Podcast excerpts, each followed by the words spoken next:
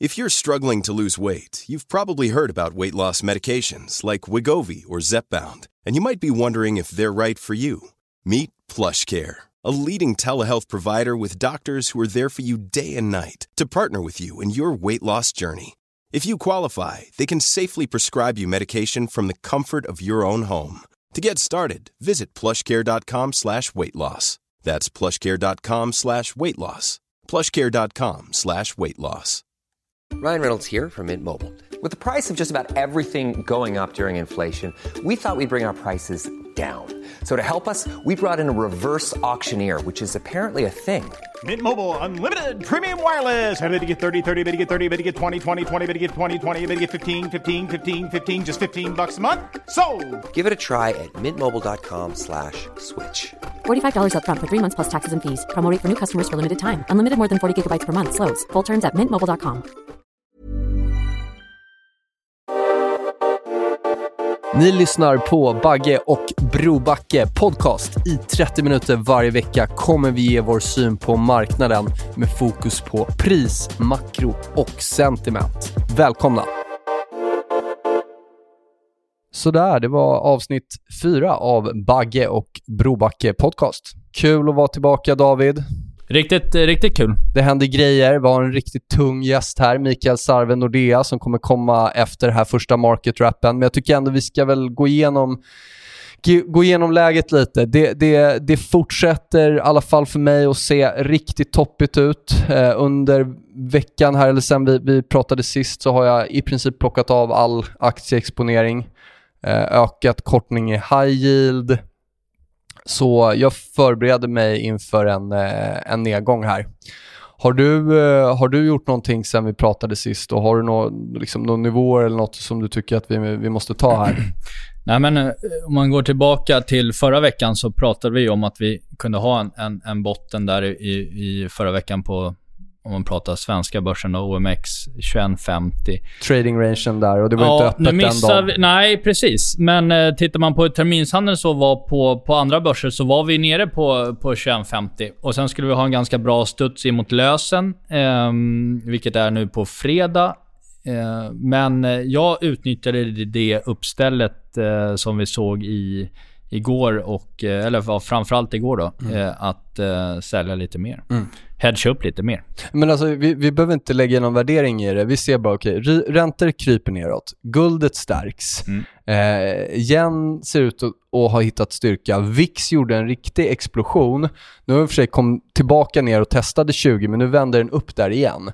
Eh, vi, vi ser de här ratiosarna som, som, som jag har tagit upp med, med, med, med liksom... Eh, bonds mot small cap och, och, och consumer staples mot SPY och så vidare. Risk-off-lamporna eh, eh, blinkar eh, ordentligt. Liksom. Nu ser vi bitcoin här, är väl ner 40% som toppen eh, och så vidare och så vidare. Så att, eh, vad tror vi? Har vi, eh, har vi redan toppat eller får vi, får vi toppen här mot slutet av veckan? Jag är inte så säker på att Nej, vi ens det- får det uppstället. Om du kollar Jag på action idag och vixen igår. Ja, nej, jag tror att det är dumt att sitta och göra det. Jag tycker vi, man får gå tillbaka till roadmappen som vi har egentligen. Att, Ja. att, att det, det ska ner ganska kraftigt här Mm. i juni. Eh, som jag fortfarande ser. Eh, jag, jag tror att det kommer bli så. Det, det som är, är ju att eh, för att det ska bli en större korrektion i Europa och i S&P så vill det ju till att för eh, rotationen, skulle vi nämligen se att value säljer av kraftigt, vilket jag tycker är, hela value-segmentet ser väldigt toppers ut. Skulle vi se en kraftig korrektion ner dit, samtidigt som vi har starka flöden in i tech, ja men då blir inte, eh, då blir inte nedgången på exempelvis eh, S&P jätteblodig. Men skulle du se Ha- att Jag har så svårt att se Ja, att skulle tech se att, skulle att, att det. rotationen så att säga uteblir. Sen kanske ska vi, eh, som vi var inne på, att, liksom att räntenedställ och så, så kanske det blir så att Ja, relativt relativt. så. Mm. står sig Nasdaq bra ändå. Eller en tech. Men, men, men ser du inga större inflöden där, då, då tror jag man ska sikta på att vi får en, en, en 10% eh, korrektion ner i, eh, mot midsommar. Och så tittar man på svenska börsen, så har vi ju eh, vi, på OMX, vi är precis vid de här 50 dagars glidande medelvärde. Där har vi studsat egentligen, ja, ända sen i eh, maj förra året så har det varit ett bra stöd. Förutom väldigt kort i oktober när det vände upp sen igen. Men, men den, den trendlinan eh, glidande 50 dagars har varit ett väldigt bra stöd i marknaden hela vägen. Och vi är, precis när vi spelar in här nu, så är vi precis på den. Ehm, jag tycker ju att de här, det är fortfarande den här jämna 2200 eller strax därunder. Det är den som gäller att hålla koll på. Skulle vi ha en etablering därunder så, så, så tycker jag man på sikt ska, ska sikta på 2000-nivån. Mm. Sen tror inte jag, det behöver inte gå i ett streck. Det kan bli en sån här som vi vinner på ABC. Du har en kraftig nu första in till slutet av maj möjligtvis ganska kraftigt nedställd, en mm. studs och sen så har mm. du en absolut botten någon gång i, i, i juni. Då. Mm.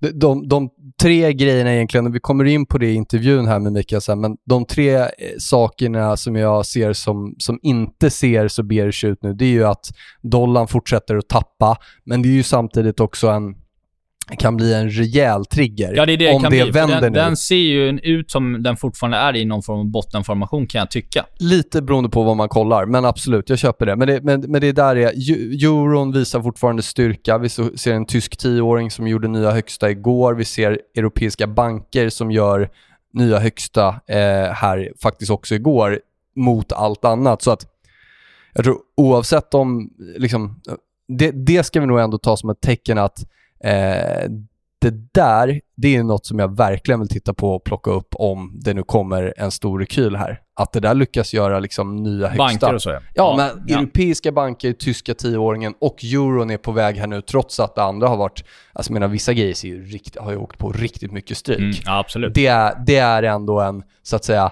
det är om, om europeiska banker är nya högsta, då har vi nog inte en, eh, en coronakrasch framför oss även om europeiska banker ska ner här fram till sommaren. Nej, coronakrasch tror jag inte. Alltså, det blir eh, runt 10 procent. Mm. Kan, bli, kan mm. absolut, mm. i ett absolut risk-off-klimat kan vi också overshoota på nedsidan. Det ska man ha klart för sig. Det ska man ha väldigt klart för sig. För det, när det väl går, det kan gå rätt snabbt. Men vi, om, om vi lyfter dem. Men så överlag, bilden har egentligen inte förändrats för mig heller där, så vi, vi är väl ganska, eh, ganska same same va?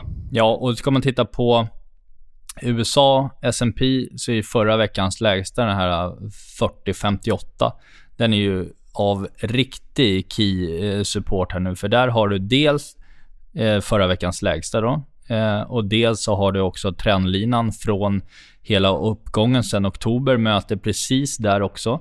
Eh, vilket gjorde att vi alltså studsade där ganska bra här nu i, från förra veckan. Eh, och så har du 50 dagars glidande som också möter vid exakt den, den nivån.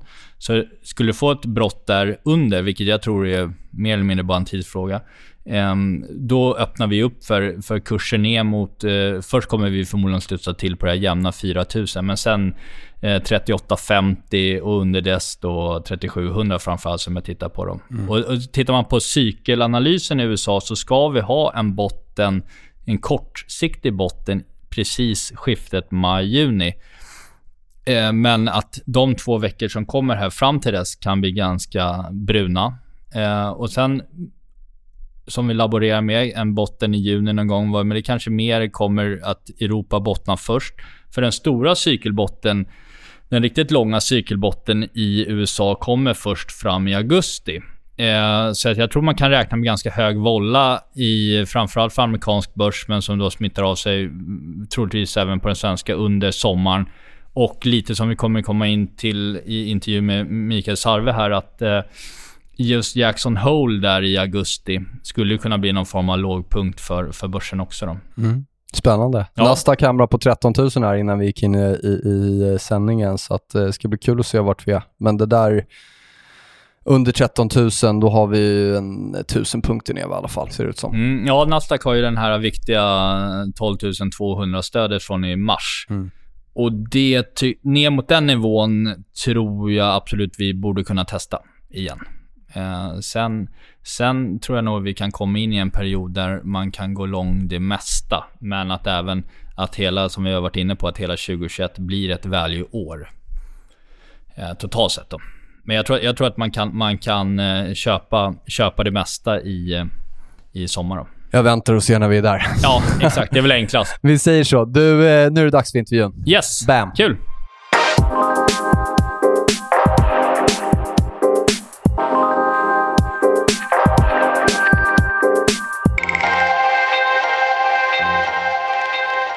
Sådär, då välkomnar vi Mikael Sarve till podden. Head of Market Strategy på Nordea. Tack ska du ha. Fantastiskt, välkommen hit. Ja, kul. Kul att få testa det här. Riktigt kul. Eh, David, ni har ju jobbat tidigare tillsammans. Ja, visst. Vi brukar ha lite möten och se ihop nu med. Eh, Men, men vi jobbade tillsammans på Nordea i, i tre år. Ja, Riktigt, riktigt bra. Eh, För de som inte eh, vet vad du har gjort förut, ska vi lägga någon, någon minut bara så får du berätta om... Absolut, jag kan dra en liten kortis. Jag började väl i marknaden i princip samma vecka som, som Riksbanken höjde räntan till 500 procent för att försvara kronan. Sen har jag väl varit med hela vägen ner till minus en halv procent och nu tillbaka till noll. Då, så att, och jag har väl jobbat, dels har jag varit, en gång i tiden var jag chefekonom på en av de mindre bankerna här i stan. Eh, jag har suttit och förvaltat en hedgefond i lite drygt, eller nästan tio år, en av de största som fanns då på räntesidan eh, under tidigt 2000-tal. Eh, och sen har jag nu varit på Nordea i lite drygt tio år. Där jag väl har varit chef för lite olika saker, men makro och... Men min, mitt, mitt huvudsakliga, eh, det jag håller på med mest är ju att försöka klura ut vad marknaden är på väg. Både på, på valuta, räntor, men även i viss mån aktiemarknaden. De stora flödena alltså. Exakt. Ja, men det passar ju perfekt. Det är sånt Jättebra vi inslag i podden. Men du, intressant bara, hur, hur har det varit att gå från eh, köp och till säljsidan och sådär, eh, fram och tillbaka? Eh, berätta om dina erfarenheter. Nej, men det, det, det är ju... Jag menar, vi jobbar ju i, i samma materia, men det är ju två helt olika saker. Och, och det är klart att det här med att hantera risk, eh, det är ju inte alla som förstår som sitter på säljsidan där jag sitter idag. Då, eh, hur, hur knepigt det är. Och att det handlar inte alltid om att ha rätt, utan det handlar om att liksom, eh, se till att man, man, man skalar risken på rätt sätt. Och det är två väldigt olika eh, kunskaper att lära sig i någon mån. Då. Så att det har ju varit väldigt nyttigt att suttit på den sidan i, i nästan tio år eh, och, och, och lärt sig den delen. Eh, Då har man större förståelse för de man pratar med nu för tiden. Just det. Ja, kul. Eh, Men du, förra veckan så fick vi ju en, en inflationssiffra som var betydligt över förväntan. Det är väl den, den största vi har sett på bra många år. Ja. Eh, Alla pratar inflation där ute. Eh, Vi pratade i förra podden att eh, tyckte liksom råvaror så kortsiktigt toppers. Sen förra podden är timmer ner typ 20%.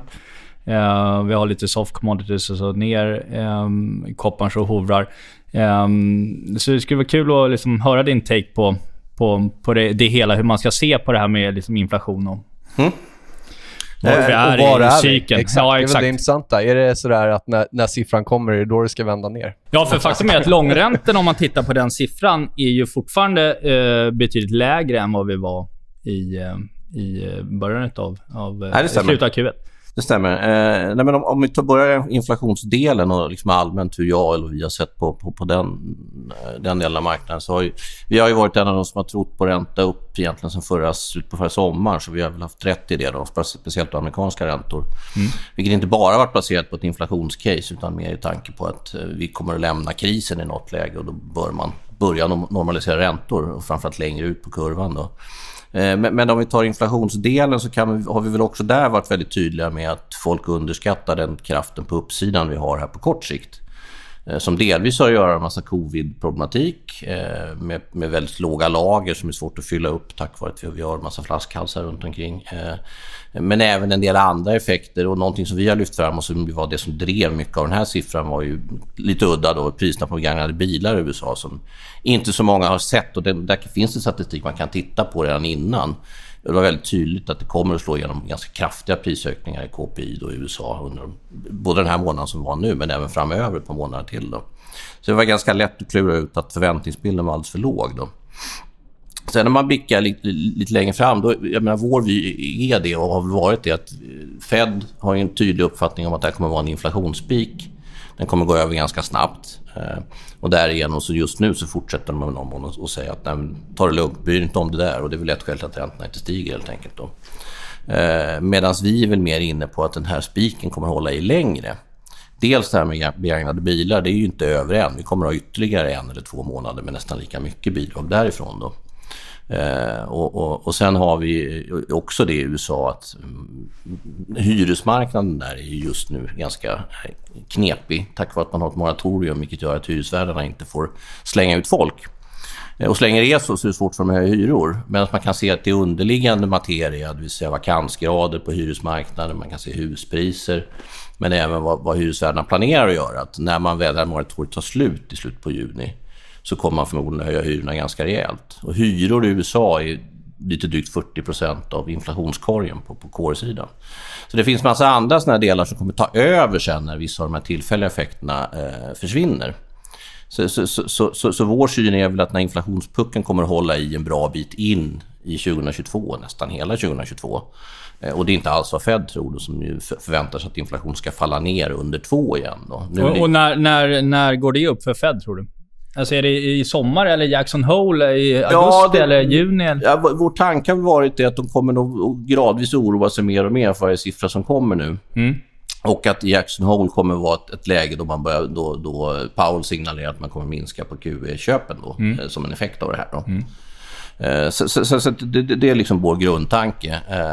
Och det har varit så ganska länge. Eh, och, och, och, där är ju Fed inte idag, utan än så länge så försöker de liksom blicka, tro att det här försvinner. Då. Och sen är väl den andra delen av inflationen som vi tycker är viktig att framhålla är ju den typen av kris vi var igenom. Eh, det här var ju inte en traditionell recession. Eh, en traditionell recession, finanskrisen är ett exempel på det, även för att vara en allvarlig sån. Så bygger man ju upp olika typer av obalanser i ekonomin. Eh, sen stramar stramas penningpolitiken åt i något läge, eh, räntorna går upp och så knäcker man de här obalanserna. Och då tar det normalt sett väldigt lång tid när man är tillbaka till startläget för ekonomin och arbetsmarknaden igen. Då. Och, och ta finanskrisen som exempel. I USA då tog det väl ungefär tio år att jobba, jobba, jobba sig tillbaka. Eh, nu är ju det här en sjukdomsrelaterad engångschock, en, en extern chock. Mm. Så så fort den är botad så kommer vi komma tillbaka till startläget mycket, mycket snabbare. Mm. Vilket ju gör att vi tror att när vi väl har passerat den här inflationspucken så småningom, sen 2022, då kommer arbetsmarknadsläget vara väldigt, väldigt tajt. Och det här glömmer många bort, tycker jag. Att tittar vi till hur läget såg ut när vi gick in i den här krisen eh, mot, mot slutet, alltså runt 2018 och sen 2019 och sen in mot 2020, så hade vi ju ett läge där arbetsmarknaden var väldigt tajt både i Europa och USA och lönetrycket var tydligt på väg upp. Sen fick vi en paus tack vare att vi hade en global avmattning som tog ner ett tag och sen smällde covid till precis när vi var på väg ur den. Då. Mm. Men kommer vi tillbaka till det läget snabbt, som vi tror då, ja, då kommer vi ha löneökningstakter som, som, som motiverar klart högre räntor än vad vi har idag. Då. Om vi mm. pratar räntor ändå, eh, vågar vi göra kolet att det är en 40-årig nedåtgående räntetrend som avslutades i somras? Eh, amerikanska 10-åringen där vid 0,5. Tittar vi på tyska 10-åringen nu, närmar sig och kryper över nollan. Mm. Skulle ju vara bullish generellt för Europa, specifikt för europeiska banker. Ja. Eh, har, har vi avslutat en 40-årig nedåtgående räntetrend? Ja, det, det vore ju kaxigt att säga det i och med att det, det, den har varit, hållit på i 40 år. Det är många som har velat, det är många som har velat kolla den. Ah, ja, ja, Under tiden, ja. ja. Det finns många gravstenar på, på mm. sådana calls. Eh, men, men, men, eh, men, jag kan nog tycka att vi, vi, vi, vi är i ett sånt läge där man, man skulle kunna faktiskt dra den slutsatsen. Eh, vad, vad, talar emot det? Ja, det finns ju en sak som talar emot och det är klart att det är de här enorma skuldbergen som har byggts upp Eh, på baksidan av centralbankernas eh, för låga räntor och för, för kraftiga QE-stimulans och så vidare under de sista, eller ja, sen finanskrisen. Eh, vilket ju gör att det, det kommer ju vara svårt för räntor att gå upp snabbt. För att så fort räntan mm, börjar gå upp mm. så blir det en kraftig effekt på tillväxten och sen så får vi börja från början igen. Men, men, men jag skulle nog säga att vi borde ha eh, en mer strukturell botten bakom oss. Mm. Och Vad skulle det då innebära? Det är lite klassiskt då om det avslutades med att olja var nere på minus och sådär. Mm. Men, men, men om vi pratar liksom bredare allokeringsdrag. Vi har nu haft råvaror som har underpresterat extremt länge. Eh, liten vikt mot om man tittar på mm. emerging mm. markets och så vidare. Ska, hur, hur, hur stora ska de där flödena eh, bli om det ska allokeras om? Uh, jag menar, många har ju glömt bort den här råvarudelen kanske mm. i, i, i, allokeringen. Ja, allokeringsmässigt är det ju inte många som har en exponering åt det nu för tiden. Utan, utan det är ju snarare mängder av olika räntederivat, eller om man kallar fastigheter för räntederivat. Mm. Men på något sätt eh, och, och hitta någon, någon ränteavkastning någon annanstans ifrån. Så det tror jag är väl sådana flöden som borde kunna på, pågå eh, en längre tid. Eh, ni har ju själva varit inne på i tidigare poddar, liksom value mot growth, om vi pratar, pratar aktiemarknaden. Och det är klart att ju tydligare trenden mot stigande räntor blir, desto tydligare blir också en sån trend antar jag. Eh, eller i, i, i, min gissning då. Eh, så, så absolut. Mm. mm. Ja, intressant.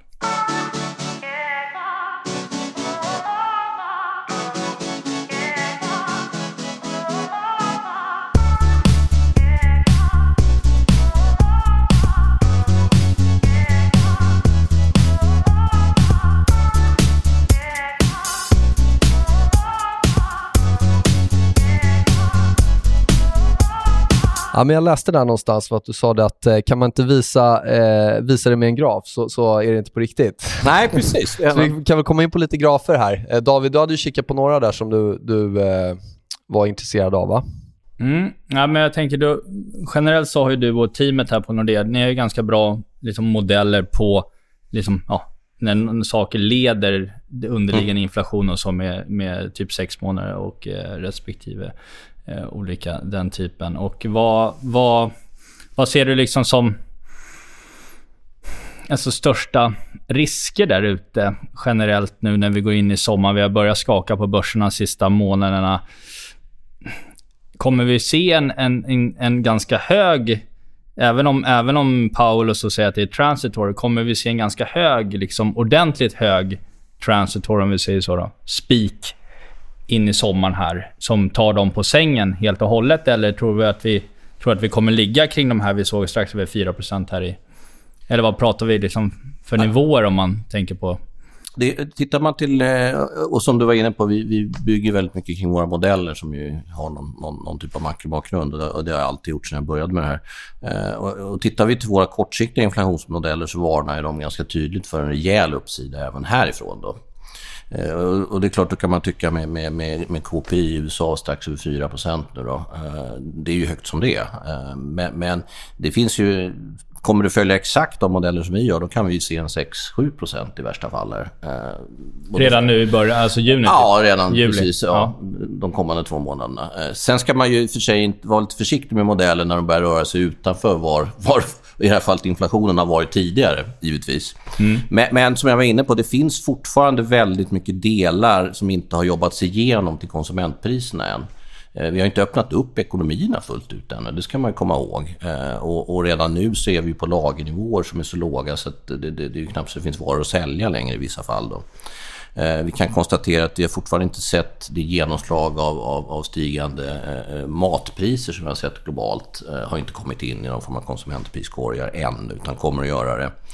Eh, och sen har vi det här med som pratar om begagnade bilar och, och hyror då som kommer att driva upp det. Så, så att eh, vår gissning är väl att, att, att det kommer att vara ytterligare ett par riktigt, riktigt höga siffror. Mm. Eh, sen borde det lugna ner sig i termer av liksom att vi har sett piken. Mm. Eh, men, men att vi fortsättningsvis ändå ligger kvar med en inflationstakt som är bra bit över vad Fed normalt sett skulle anse vara tillräckligt för att börja höja räntor. Nu har man ju valt att inte göra det i alla fall här då, men, men, men, men det tror jag nog. Och sen om man tittar på löneinflationen. Ja. Eh, Bidens eh, eh, arbetsmarknadsstöd rinner ju av lite, om man säger delstat för delstat. Men eh, några, några eh, tas ju bort i, i, i, juni här, någon i maj eh, läste jag. Och sen är det väl framförallt i augusti-september som är, september, ja, mm. som, är, som är tanken att allting ska, ska eh, dras bort. Är, är, det, är det först då sen, under hösten, vi kommer se liksom, löne inflationen när folk inte kan ligga och pilla naveln och äta praliner och Ja, det, det, har, det har ju varit tanken i alla fall från mm. vårt håll att, att det vi kommer se, och det märker man ju nu, företagen skickar tydliga signaler om att de har väldigt svårt att få tag i arbetskraft. Småbolagen i USA, andelen bolag som, som säger sig ha problem att få tag i arbetskraft är den högsta någonsin. Mm. Återigen, innan ekonomin öppnar upp fullt och hållet. Då. Det var de McDonalds i Florida läste jag som prisade 50 dollar bara för att de skulle komma på intervju. Exakt, alltså, sign-on-bonusar ja. på Walmart och McDonalds och så vidare. Det är ju lite nytt. Ja, det är nya tider. Vilket jag har gjort, och det, det, det är kanske inte många som är medvetna om, men löneökningstakten i USA, om man använder sig av Employment Cost Index som är den som de flesta använder sig av då, senaste sex månaderna är faktiskt den högsta vi har sett på över 20 år redan nu. Mm. Så, så, så, att det finns tecken på att man inte får tag på arbetskraft. Det finns tydliga tecken på att det har drivit upp olika typer av sign-on-bonusar men även löneökningstakter eh, i ekonomin. Eh, och, och, och och sen får vi se. En del av det beror ju på att, att folk stannar hemma och käkar praliner som du säger, eller vad de mm. gör, eller handlar aktier, eller vad det kan mm, vara för mm. någonting. Och det lär de ju inte göra hela det här året, utan de lär väl komma tillbaka. Så det är möjligt att de här bristtalen går ner lite. Men jag tror vi kommer få ner arbetslösheten ganska snabbt till de låga nivåerna vi hade tidigare. Och då kommer det vara en mer strukturellt drivkraft högre på löneökningstakter framöver. Då. Sen har vi också, det ska vi inte glömma bort, med Biden vid rodet i USA nu så har vi en helt annan politisk bakgrund för hela, vad vi kallar för Wall Street mot Main Street-diskussionen. Eh, Eh, både i termer av den politik som han kommer föra, som med all sannolikhet, det ser vi redan nu, den kommer ju vara allt mindre utbudsorienterad, alltså mindre skattesänkningar och sånt och mer utgiftshöjningar, vilket i sig själv är inflationistiskt. Det är klart att minimum pay-diskussionen kommer dyka upp igen. Eh, det kommer finnas mängder av såna här saker som jag tror i efterhand kommer visa sig vara tydligt mer inflationistiska än vi har haft på väldigt, väldigt länge. Men det där kan ju spela in lite i vår karta att vi, ska, vi står inför ett par stökiga månader på, på, på marknaderna totalt sett. Eh, aktiemarknaden och, och, och så vidare. Eh, för nu ska man ju då under under de kommande månaderna ska man då börja prisa in att det faktiskt kanske blir en tapering redan i december. Mm. Som han då kan annonsera vid Jackson Hole. Eh, men att, att när, när marknaden, eller när ekonomin återgår till normala så kommer ju ändå, som vi var inne på i tidigare poddar, vinsttillväxten och så i bolagen kommer ju se väldigt bra ut Yep. Tidig, eller fortsatt. Ja. Så säga, ännu bättre när, när topline tar fart och omsättningen. Mm. Med tanke på hur bra många bolag yep. har liksom eh, fått upp sina marginaler. Så att det är väl... Eh, vi har varit inne på att det kommer bli ett bra köpläge på börserna i, i sommar. Och det kanske blir någon form av ultimat köpläge när Powell annonserar vid Jackson Hole om det har gått svagt in i, in i augusti. Ja, det, det, det, är en intressant tanke och, jag, jag håller med dig eller er om, om det. Och det är liksom ett skäl till att vi har varit positiva börsen här eh, i det att tittar vi historiskt i modern tid så har ju börsen i princip aldrig råkat på rejält med smäll under period då vinster går upp. Nej. Och det är väldigt svårt att komma till någon annan slutsats än att vinstutvecklingen det här året kommer att se sjukt bra ut och mm. har gjort hittills. Då. Eh, så, så, så det är klart att eh, även fast jag kan tycka att vi är i bubbelterritorium i vissa delar av marknaden eh, så finns inte de här triggerna, för, de riktiga triggers för att smälla det här. Och det viktigaste är egentligen att, att, att vinsten är på väg uppåt. Sen är det ju också så att det fortsatt är det ju så att centralbanker printar väldigt mycket pengar. Och den, det sugs inte än upp av den, den, den, reala ekonomin, för så stark är inte den reala ekonomin än. Den kommer nog bli det så småningom 2021, sent 2021 och 2022. Men just nu så finns det mycket överskottslikviditet som också driver marknaden. Och sen det tredje är ju det att även fast räntorna har börjat gå upp så är det vi har sett som har gått upp är ju egentligen inflationsförväntningsdelen. Realräntorna är, fortsatt väldigt, väldigt låga och det brukar också krävas en uppgång i realräntan innan det riktigt blir liksom oroväckande för börsen. Eh, mm, mm. Och där är vi inte än, eh, Nej. vilket har varit ett skäl för oss att vara lite mer medelsiktigt positiva. Vi är inte lika, inte lika kortsiktiga i svängningarna nej, som ni är, men, men, men, så. Och, det, och det, det, har vi inte släppt än. Då. Nej.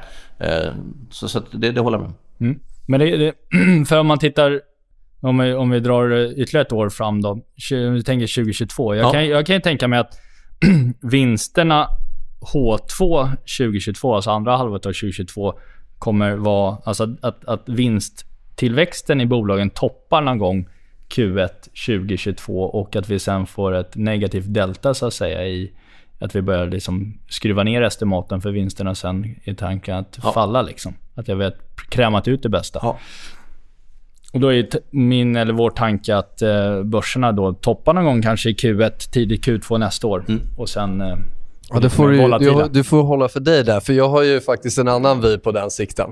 Mm. Eh, jag, jag, tror ju det här året liknar 2004, eh, 2010. Eh, jag menar, vi, som du säger, vi har absolut bubbeltendenser i, liksom, om vi kollar på tech och tillväxt. Men för mig så avslutade vi långa bear markets i Europa eh, förra året. Eh, jag menar, vi, vi, vi har inte handlats vid de här nivåerna. Det får gå tillbaka 15 år. Mm.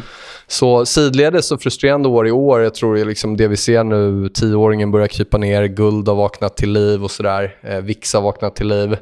Eh, men borde vi, inte, borde vi inte sätta upp för en, en riktigt bra period eh, en riktigt bra period efter det här sidledesåret? Det, det är möjligt. Min oro där är, och, och, och det är väl lite grann den, den, den vyn jag har, är ju det att och jag tror fortsatt på att räntan kommer upp, upp en sväng till. till då. Jag menar, vi har haft som vi ganska länge att tioåringen i USA ska letas till två eller strax däröver i år. Då. Och, mm. och tioåriga tyska obligationer mm. liksom borde nå nollan och mm. kanske till. Mm. till då.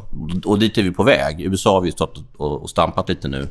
Vilket jag tolkar lite som att man behöver lite mer hjälp från Fed för att driva nästa steg i det här. För att positioneringen har nu blivit väldigt, väldigt kort i, i obligationsmarknaden. Det har den inte varit för för en månad sedan. Ja, det börjar bli en crowded trade. Ja.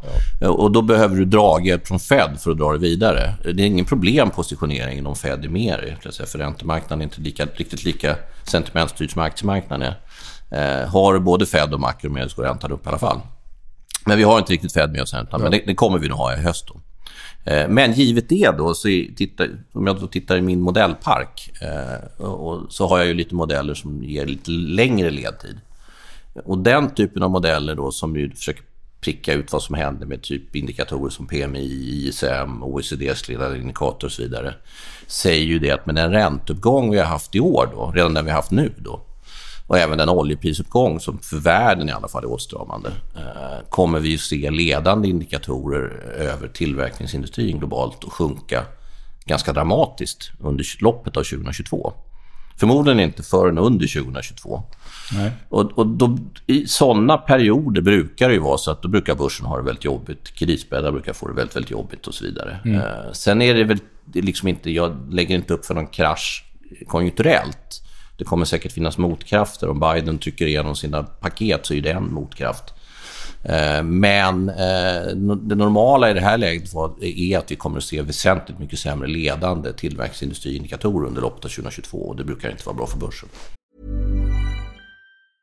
Many of us have those stubborn pounds that seem impossible to lose, no matter how good we eat or how hard we work out. My solution is PlushCare.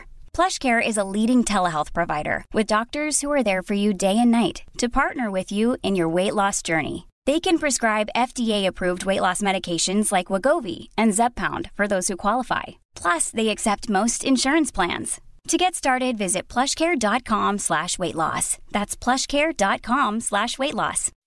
When you make decisions for your company, you look for the no-brainers. If you have a lot of mailing to do, stamps.com is the ultimate no-brainer. Use the Stamps.com mobile app to mail everything you need to keep your business running with up to 89% off USPS and UPS. Make the same no-brainer decision as over 1 million other businesses with Stamps.com. Use code PROGRAM for a special offer. That's Stamps.com, code PROGRAM.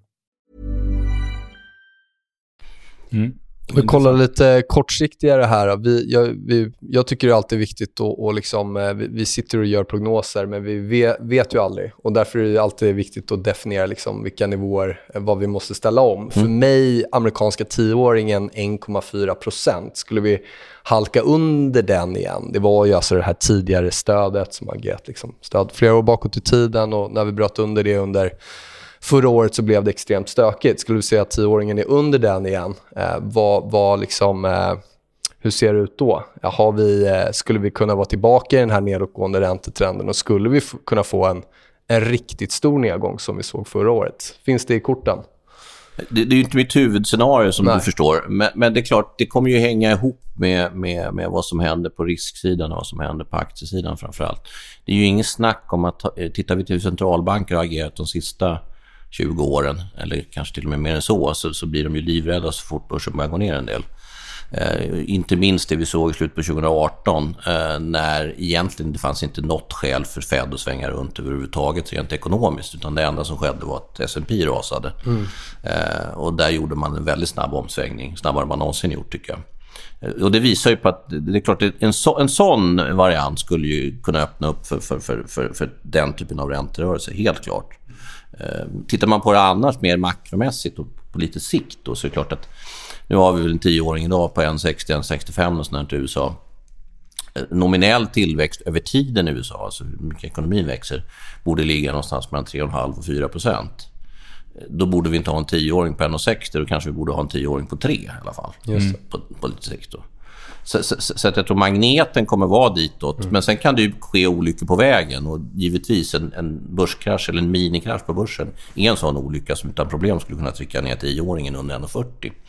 Sen finns det ju för sig en, en, en, en, en liten annorlunda habrovinkel i det här nu och det är ju det att det är klart att när vi har sett centralbankerna gått in de andra gångerna i modern tid och, och stöttat upp det här, då har vi ju inte haft något inflationsproblem. Just det. Nej, och det, skulle kunna bli en skillnad den här gången. Att det kan bli jobbigare för dem att försöka göra det här om inflationen parkerar här lite högre och över deras mål och så vidare. Ja, de kommer, det, blir svårt för dem att försvara det på samma sätt. Exakt. Så, så att, sen tror jag att de i slutändan gör i alla fall. Men, men, men, eh, men det är ändå en, en, annan miljö att försöka göra det här i än tidigare. Och det är klart att även värderingsnivåer är ju väsentligt mycket högre idag än vad de varit någonsin när man gjort de här, de här stödpaketen tidigare från, från centralbankerna. Ja, för jag, jag, kan ju se framför mig alltså ett, ett, en, en stökig månad här nu in till midsommar där vi ändå har en ordentlig short covering i långa bonds. Långräntorna kommer ner till typ 1,25 men att det liksom sen eh, går upp igen då mot 2 ja. mot, mot uh, slutet av året. Mm. Kan man dra någon slutsats fundamentalt varför uh, tyska tioåringen ser starkare ut här nu på slutet? Att den har gått upp mer menar du? Ja. Uh, jag, jag, tror lite är det väl det att, att, att som jag var inne på, folk är redan väldigt korta i USA mm. i någon mån, så det blir svårt. Du, du behöver draghjälpen ja. från Fed. Tittar man till ECB och, och euroområdet så, så, har man ju även där, tycker jag, lite skjutit lite på, på förskjutit sin, sin argumentation. Helt plötsligt har det dykt upp lite mer höga röster som har varit väldigt tysta under lång period. Uh, inte för att de, de äger ECB i det här läget, för det gör de inte. Men det man ska ha med sig är ju det att, att, att om man tittar till, till hur ECB ser ut så är det ju, det är mycket mer ett politiskt djur än vad Fed är. Eftersom vi har en herrans massa länder som ska enas under något väldigt konstigt penningpolitiskt paraply. Mm. Eh, och nu har det varit väldigt lätt för Lagarde, som ju om någon är ännu mer politisk än hela ECB, eh, och bara hålla sig åt eh, duvornas håll eftersom vi har haft den tredje vågen i covid. Det har funnits väldigt mycket risker på den sidan. Det vill säga att det bara lutas åt det hållet och säga att nej, nu tycker vi att räntor har gått upp för mycket och nu håller vi tillbaka det. Vilket så, det är så de har låtit hela vägen fram till nu egentligen. Då. Men blickar vi framåt ett litet tag och vi kan lägga covid bakom oss då kommer de ju politiskt behöva lyssna även på de lite mer hökaktiga länderna i det här fallet. Då. Eh, och, och, och de kommer ju påpeka det att vi har det här QE-programmet som heter PEP. PEP står ju för Pandemic Emergency Purchase Program. Har vi ingen Pandemic Emergency, varför ska vi hålla på och köpa i det programmet då? Eh, så det har ju varit vår tes också att det kommer att komma en tapering av de köpen eh, även från ECBs håll redan i år. Då. Och det är klart att sker det, då ska räntor börja ställa upp även här. Då. Och, och, och det, tittar man på kurvlutningen i Europa så är det klart att den har ju varit sjukt mycket flackare än i USA. Så det finns ju mycket större utrymme för längre räntor efterhand att gå upp här. Då. Mm. Sen visst, det är problemställningen att det är mycket lättare att göra ett inflationscase i USA mm. än i Europa.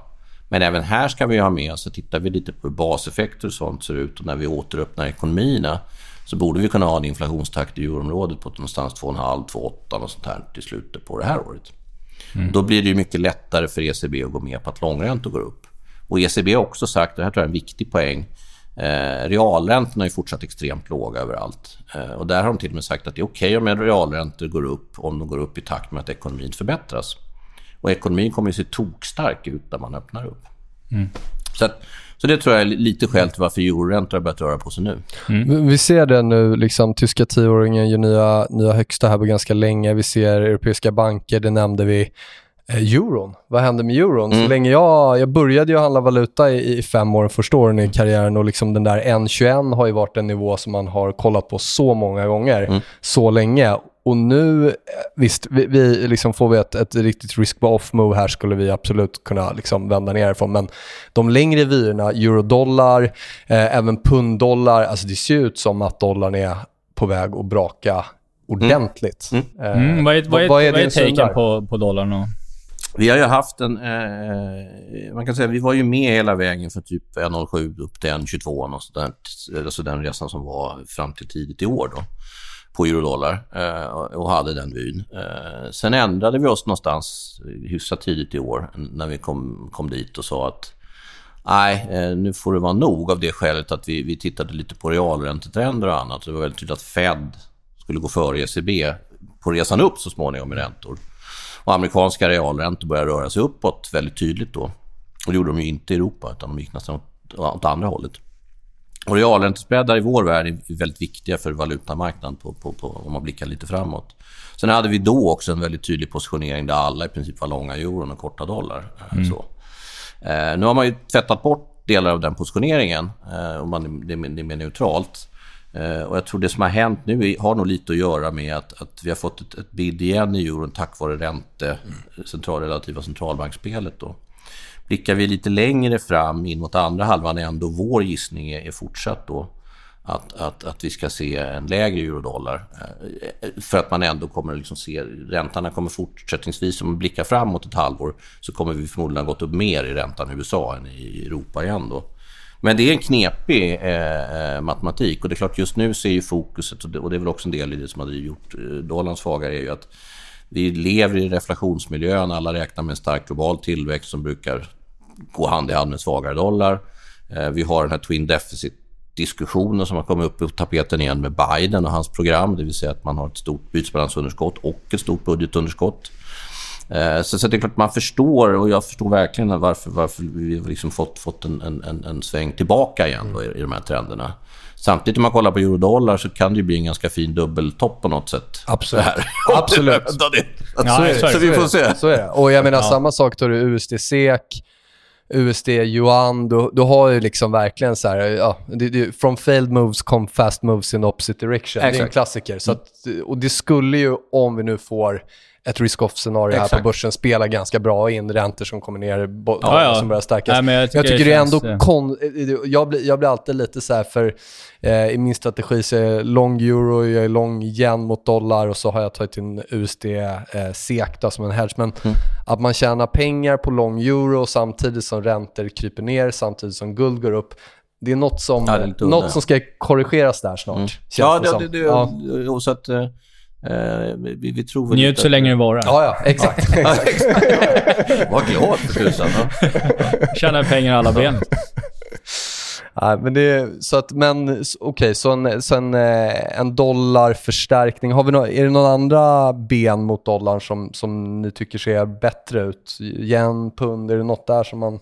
I och med att vi sitter i Sverige såklart, vår kron, vi har ju haft en kron, vi som de flesta andra, att vi liksom ska se eurosek gradvis gå neråt här, eh, tack vare att ändå Sverige är ett beta på världstillväxt eh, och så vidare.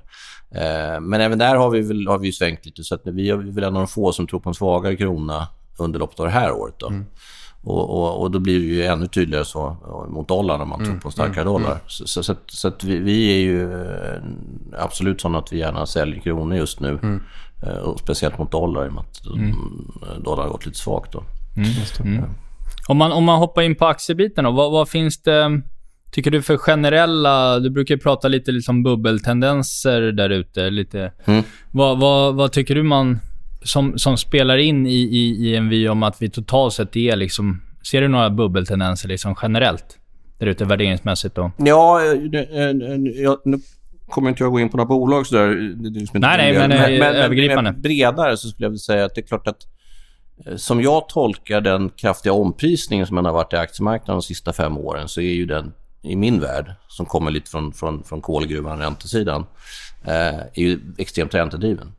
Mm. Och, och, den bygger väldigt mycket på en tro om att räntor kommer att vara låga under en väldigt lång period. Rycker man undan den tron och vi faktiskt börjar se längre räntor liksom på, på väg upp kanske mot en 3 procent, mm. sånt där. Då tror jag de här värderingarna kommer få ganska stora problem i något läge. Eh, det är liksom min underliggande tanke. Mm. Sen tror jag att de räddas än så länge av att det inte är någon återigen uppgång av, av realräntan. Mm. Utan realräntorna som är så pass kraftigt negativa som de fortsätter vara. Eh, så länge de är det så kommer det fortsätta på något sätt bygga på den här bubbeldynamiken. Eh, så det, det, som krävs är väl liksom någon form av tredje del i en trestegsraket. Vi hade extremt låga räntor i fjol somras som var krisräntor. Vi tog tillbaka lite av det, det var liksom första steget. Andra steget var att vi har fått upp lite inflationsförväntningar. De är inte skyhöga än på något sätt, men de har i alla fall kommit upp en bit.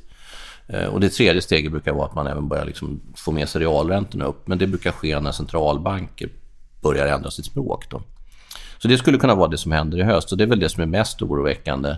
Jag tror jag hade någon graf med i den här grafpacket när, när, man tittar på realräntan i USA mot just forward PE i USA. Mm. Där man sen de sista fem åren, det funkar inte om du tittar längre tillbaka, men det funkar i, i modern tid då, kan se att, att förändringar i realräntan har, har lite grann varit en, en, en ledande indikator för, för, för aktievärderingen och för börsen. Då.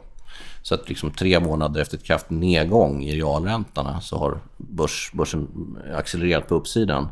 Och typ en tre månader efter en kraftig realränteuppgång, ungefär där vi är nu då, mm. så har börsen fått problem att gå ner. Mm. Helt enkelt. Mm. Och vi är lite grann, eh, och ni är ju inne på någon, någon svaghet på börsen mm. nu. Mm. Det skulle passa väldigt väl med en sån typ av indikator, att man nu börjar internalisera lite grann den än så länge ganska eh, milda uppgången i realräntor vi har haft, men ändå talar för någon form av värderingsjustering. Mm, mm. Ja, med den, med den skuldsättning som är och folk tar sms-lån för att köpa aktier och mm. stoppar in sina Biden-checkar i alla möjliga tillgångslag. Om, lite intressant där med sektorer. Eh, tillväxt och, och, och, och värde. Eh, liksom en, en, diskussion som, som är het, speciellt nu mm. på slutet här när de där, eh, de där ratiorna har börjat vända över ganska kraftigt. Mm. Och jag vet redan i februari när jag tog upp det så blir, blev folk ganska provocerade. Mm. Liksom, det, det är naturligt när man har haft en så lång outperformance av tillväxt så börjar ju, ju investerare identifiera sig med den liksom, investeringsstrategin mm. och, och, det blir en recency bias och så vidare.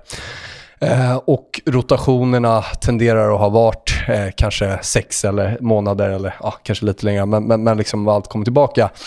Eh, och det är tydligt att ni har liksom en tro på uppåtgående räntor. Eh, hur länge kan value-traden fortsätta att dominera tillväxttraden? I ett sånt scenario kan du göra det ganska länge, skulle jag säga. Uh, och då är vi bara i, i yttersta lilla start. Uh, bara börjat, ja, eller bara början på det där. Ja. Sen, sen, när man tittar just nu så är det klart att det vi har sett i princip efter, eller ja, sen KPI-siffran i USA, lite innan också, är ju det att vi hade en uppgång i realräntor i USA innan dess som sen kom av sig. Så nu har realräntan fallit tillbaka igen. Tittar man på korrelationen mellan just value growth och, och realräntan i USA har den varit väldigt stark de sista 3-4 åren. Mm. Så det skulle ju kunna tala för att just nu vi, vi liksom lugnar ner oss lite i den här value growth-traden. Men sen när vi får nästa skjuts uppåt som jag tror kommer vara mer realräntedriven än mm. tidigare. Att man då får en, en rejäl kicker på value mot growth igen. Mm. Sen, och under hösten någon gång? Under hösten, ja. ja, ja. Mm. Ja, det är ungefär vad vi...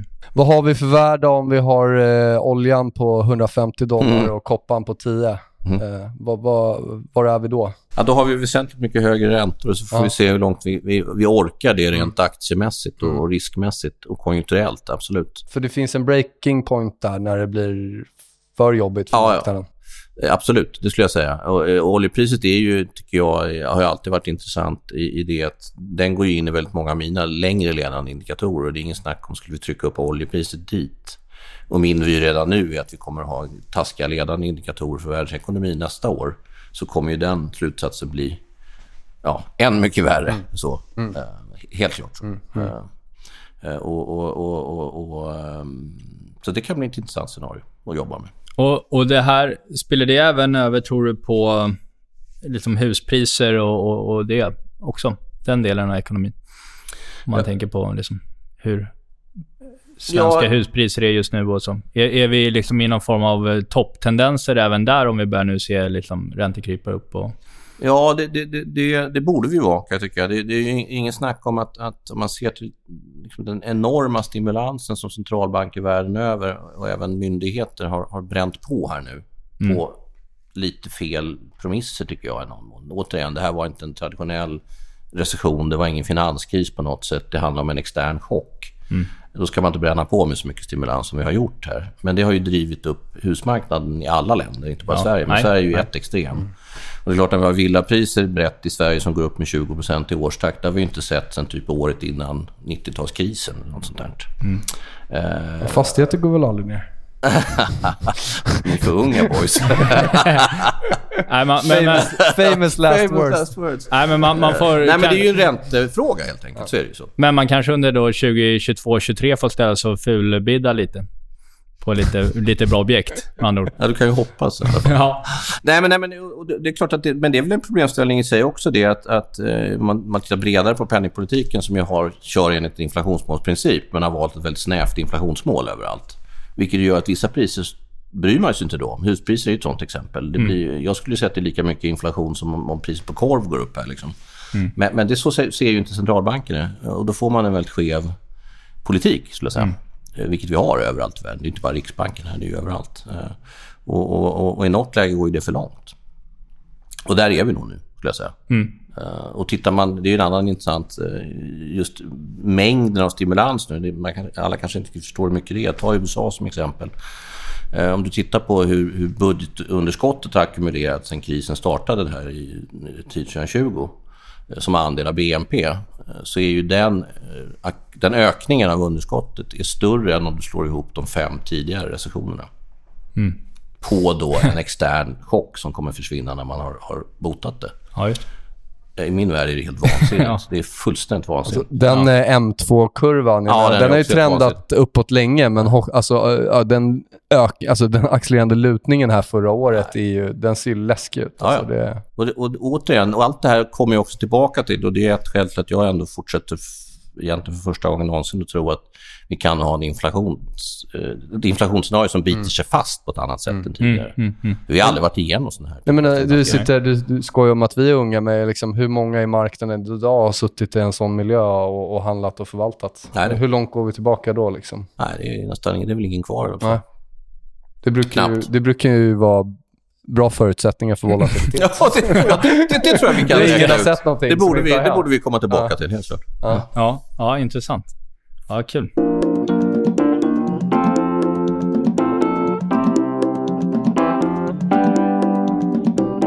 Ja, men sådär. Det var ju ganska fullsmetat. Jag, jag känner att vi, vi kommer ju behöva ta tillbaka dig hit eh, någon gång här om ett par månader eller liknande och stämma av och uppdatera igen. Men det här var ju otroligt intressant. Ja, verkligen. Eh, verkligen. Verkligen. Stort tack för att du kom hit, Mikael. Ja, vad kul.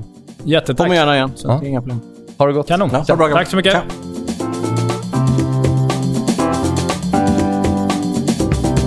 Wherever I